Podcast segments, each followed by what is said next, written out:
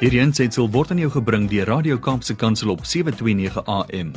Besoek ons gerus by www.kapsekansel.co.za.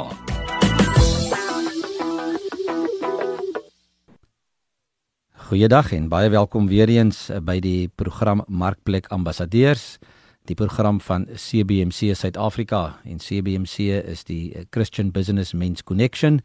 En ehm um, die program Markplek Ambassadeurs gaan daaroor dat ons met persone praat wat ehm um, ambassadeurs is vir Christus daar waar hulle beweeg.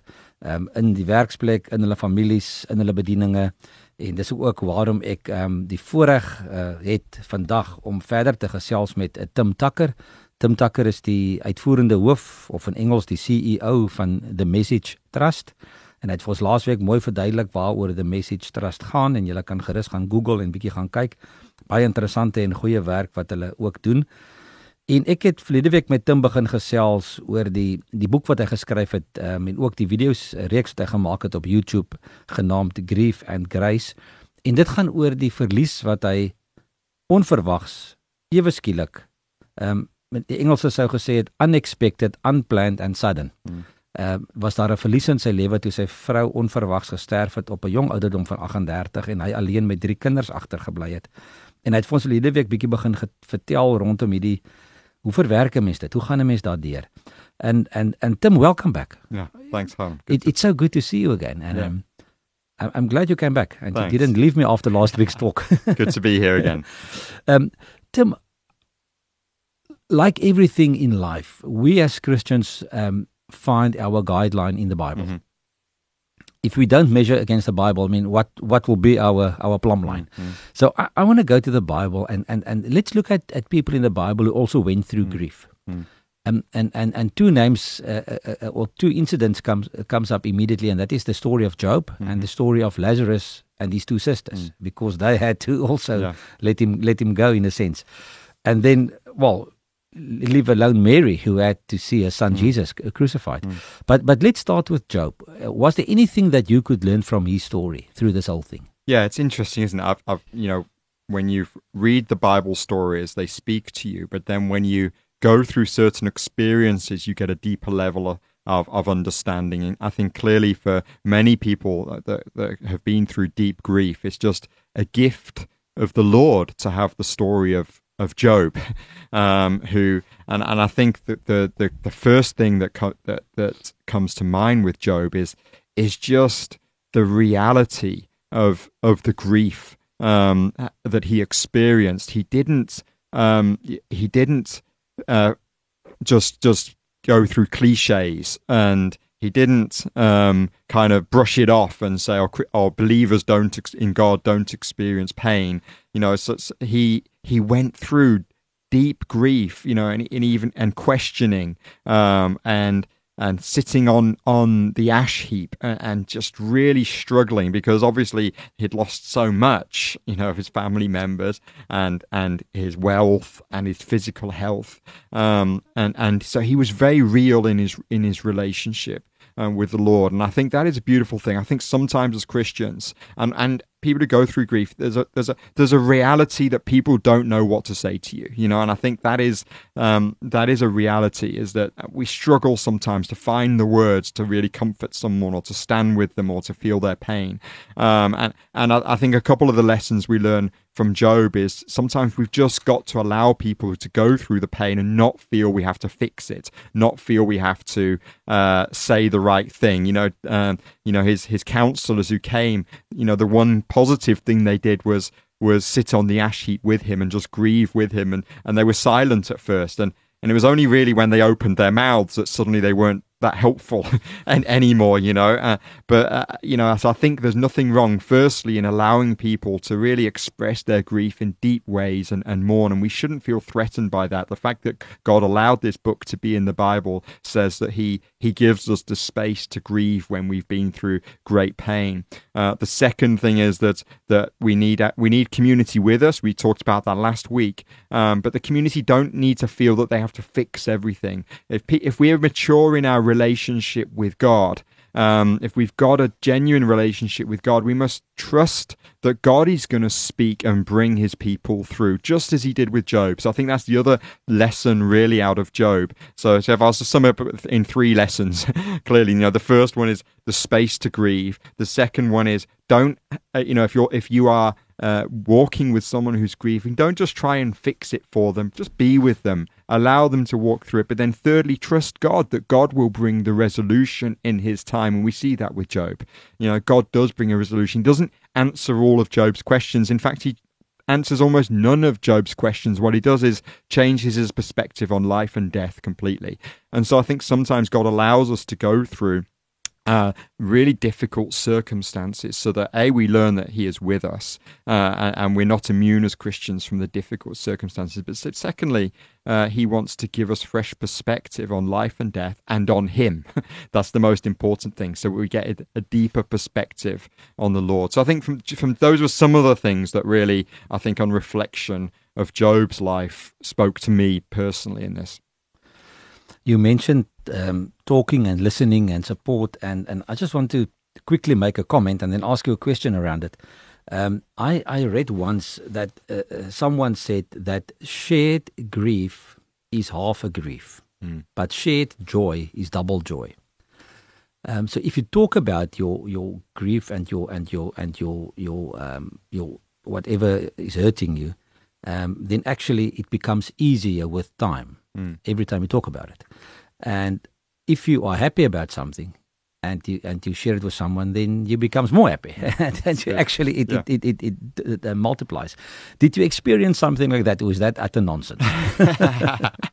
I've never quite expressed it that way, but look, the Bible tells us to mourn with those who who mourn and rejoice with those who rejoice. Yeah. Uh, and yeah. I've learned that in any given day, I mean, particularly in this global globalized world, you know, I just have to go onto Facebook, and there's people I need to mourn with you know, who are expressing their loss because they've got cancer or they've lost a loved one. And particularly over this past year, it just seems there's been so much expression of grief on Facebook. But then a little bit further down the, your news feed, you're reading about someone who's had a baby or got engaged or you know some wonderful event. So so in this in this globalized world, we're constantly getting these double messages. You know, we're having to mourn with those who mourn and and and rejoice with those who rejoice. And again it should be driving us to the Lord for capacity, for relational capacity, to be able to to navigate uh, how we stand alongside one another uh, during the sad times of life as well as the happy happy moments of life. But as I express in the book, you know, pain and joy, I say, are two two sides of the same coin.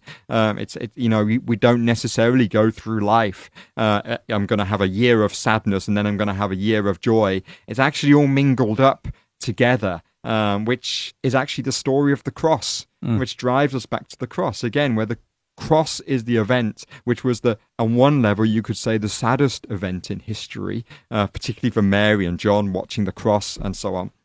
Uh, but obviously, we know for the joy set before him, Jesus endured the cross. So pain and joy meets in the cross. Mourning and rejoicing meet in the cross. And so, it sh- as followers of Jesus, it shouldn't surprise us that our life is intermingled. Uh, with pain and joy are going to be intermingled in this fallen life uh, because they create opportunities for us to, to again testify to Jesus and what he did himself on the cross.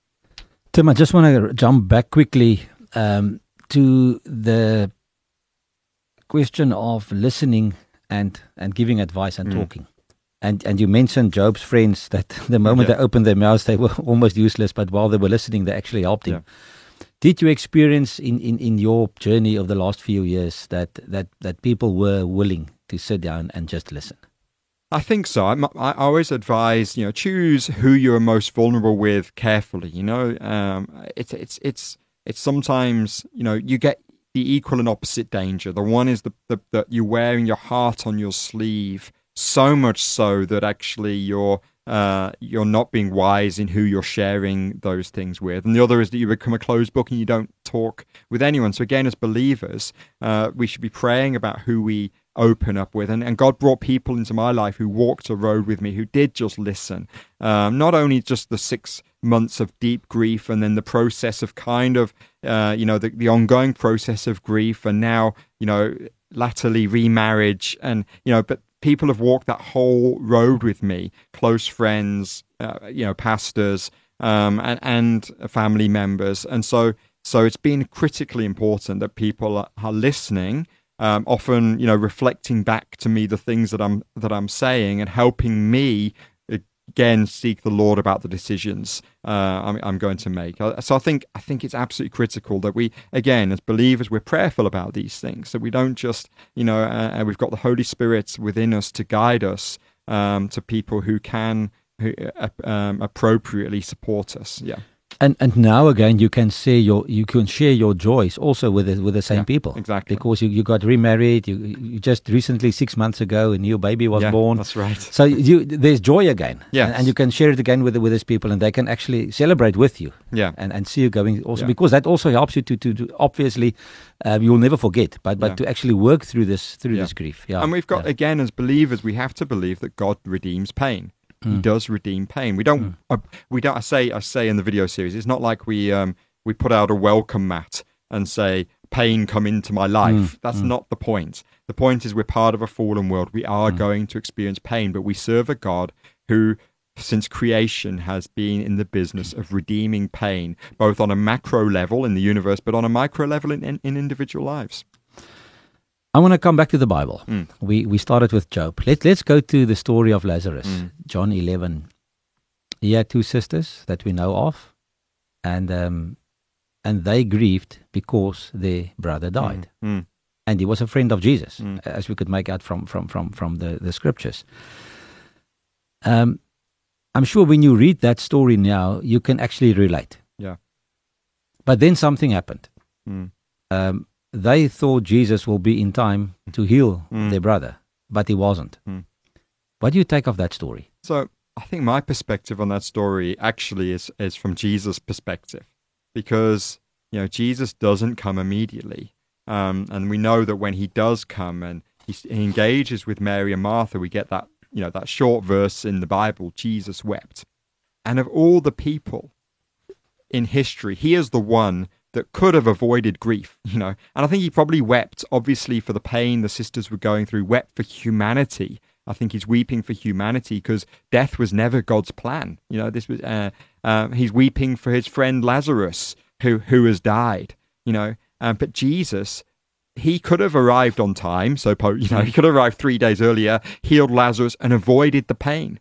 But Jesus enters into our pain. So that's what I got out of that story. Jesus understands our grief because, you know, we serve a God who became man and, and, and shared in every way uh, what humanity and the pain and the joys of what it means to be to be human. Um, and so I was, you know, in, in rereading that story, I was again struck by the fact that that Jesus, you know, isn't you know, there's, there's sometimes this perspective that when a Christian dies, there's rejoicing in heaven, you know, but but but when uh, a woman like Laura at 38 years of age uh, was taken from her husband, three children, you know, in some ways, I think Jesus actually enters in. I understood Jesus entering into that pain with me and weeping with me. I talk about it as my ally, as someone standing with me in my pain. So the fact that I saw Jesus weep at the at the sense of loss, at the tragic uh, consequences of death. I think that was an incredibly comforting thought. But again, from a theological perspective, it sets the Christian faith apart, doesn't it? Because it's it's the incar- it's the, the kind of the ultimate part of the incarnation is that God, who could have avoided pain, embraced the pain for in order to demonstrate His grace and His love. And so, in that instance, you know, he he then says, "I am the resurrection." And, and the life. And, and, and, and follows that up with the demonstration of his power in raising Lazarus from the dead. Um, and, and so, you know, I think that, that it's such a beautiful story when we look at it from that perspective, because I think it helps us, um, again, have a different perspective on grief and loss, that it's appropriate for us to grieve, it's appropriate for us to cry, um, and be sad, but we also look to ultimate victory um, and resurrection um, in in in in Christ, and and that's again the hope that we have. Thanks, Tim. Tim, I'm going to stay with the Bible and I'm going to go to Psalms. Mm. Psalm 23, we all know it very well. Um, and, and, and, and you explained it so nicely in, in, in your video about um, where was God during that process Mm, when mm. your wife got sick, when she passed away? Um, and so easily people can say, but he doesn't love me Mm. because he could have prevented this. Mm. Um, but you got comfort from Psalm 23. Yeah, and again, it's it's a, such a familiar passage of scripture to us. But again, when we walk through the valley of the shadow of death, it's not just a passage of scripture; it's a lifeline. You know, to say that He is He is with me. You know, and He is He is with me in the valley. Um, and so, um, you know, it was actually a couple of days, or the day, or a couple of days after Laura passed away. We were still in George at Carmel Guest Farm, and I was stood on the on the rocks, uh, overlooking on the cliffs, overlooking the ocean, and um, I was having this conversation uh, with the Lord, and, and you kind of feel that that there's this, you know, there's a little bit of anger there, but I'm like, if I.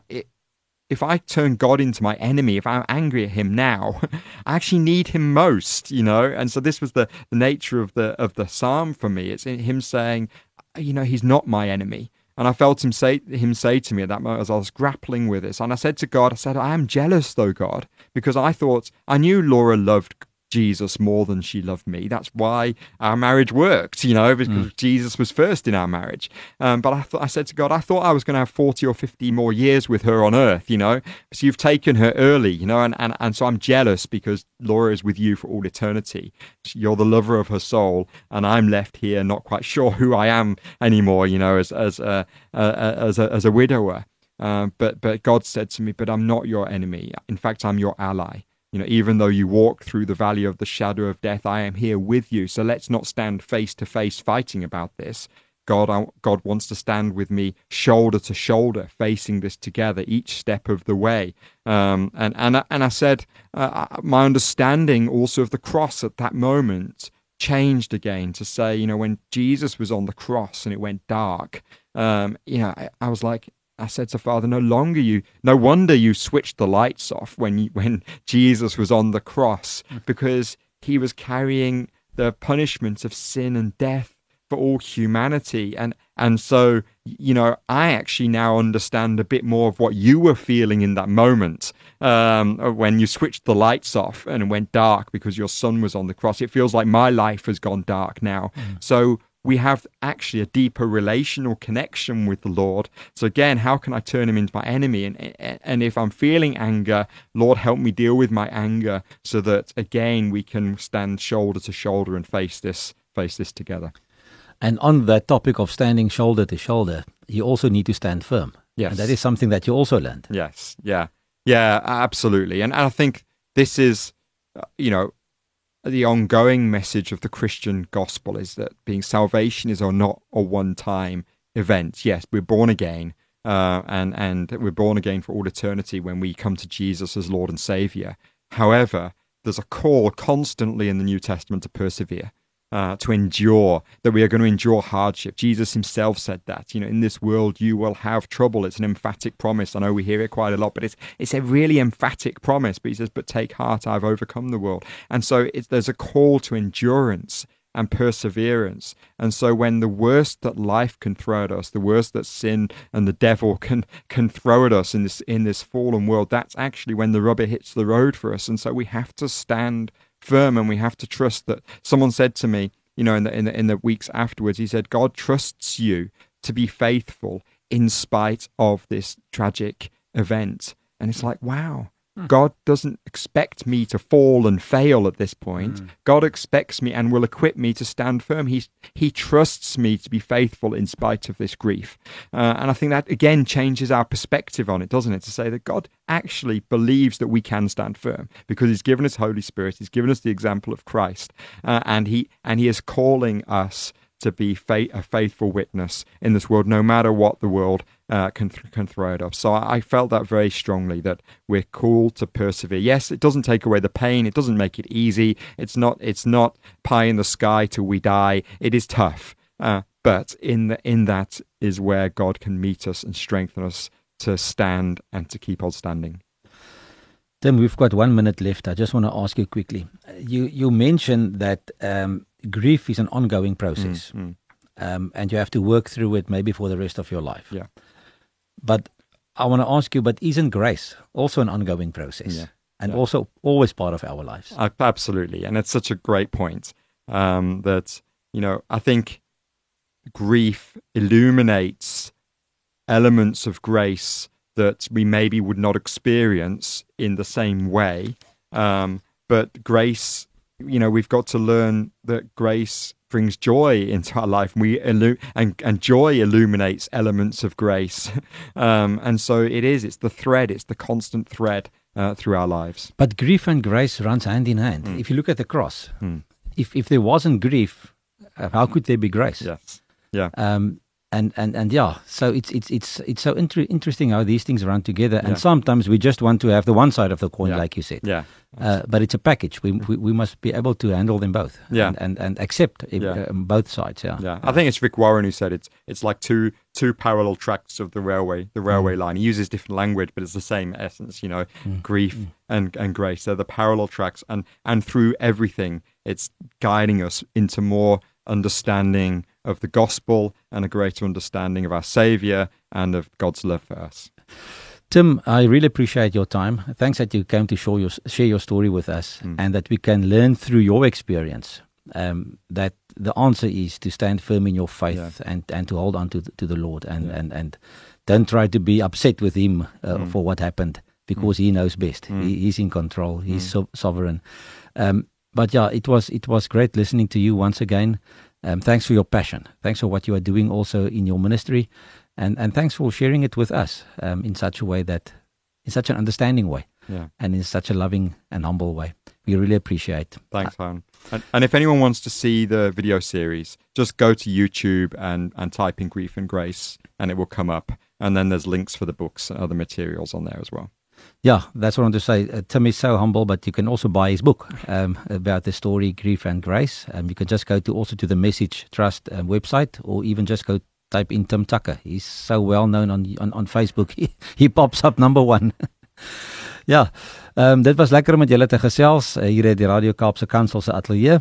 As julle meer wil weet van van Tim Tucker en The Message Trust, soos ek gesê het, julle kan gerus gaan Google daarso of kontak ons ook by CBMC admin@cbmc.co.za as julle meer van CBMC wil weet of enige navrae het oor ons programme.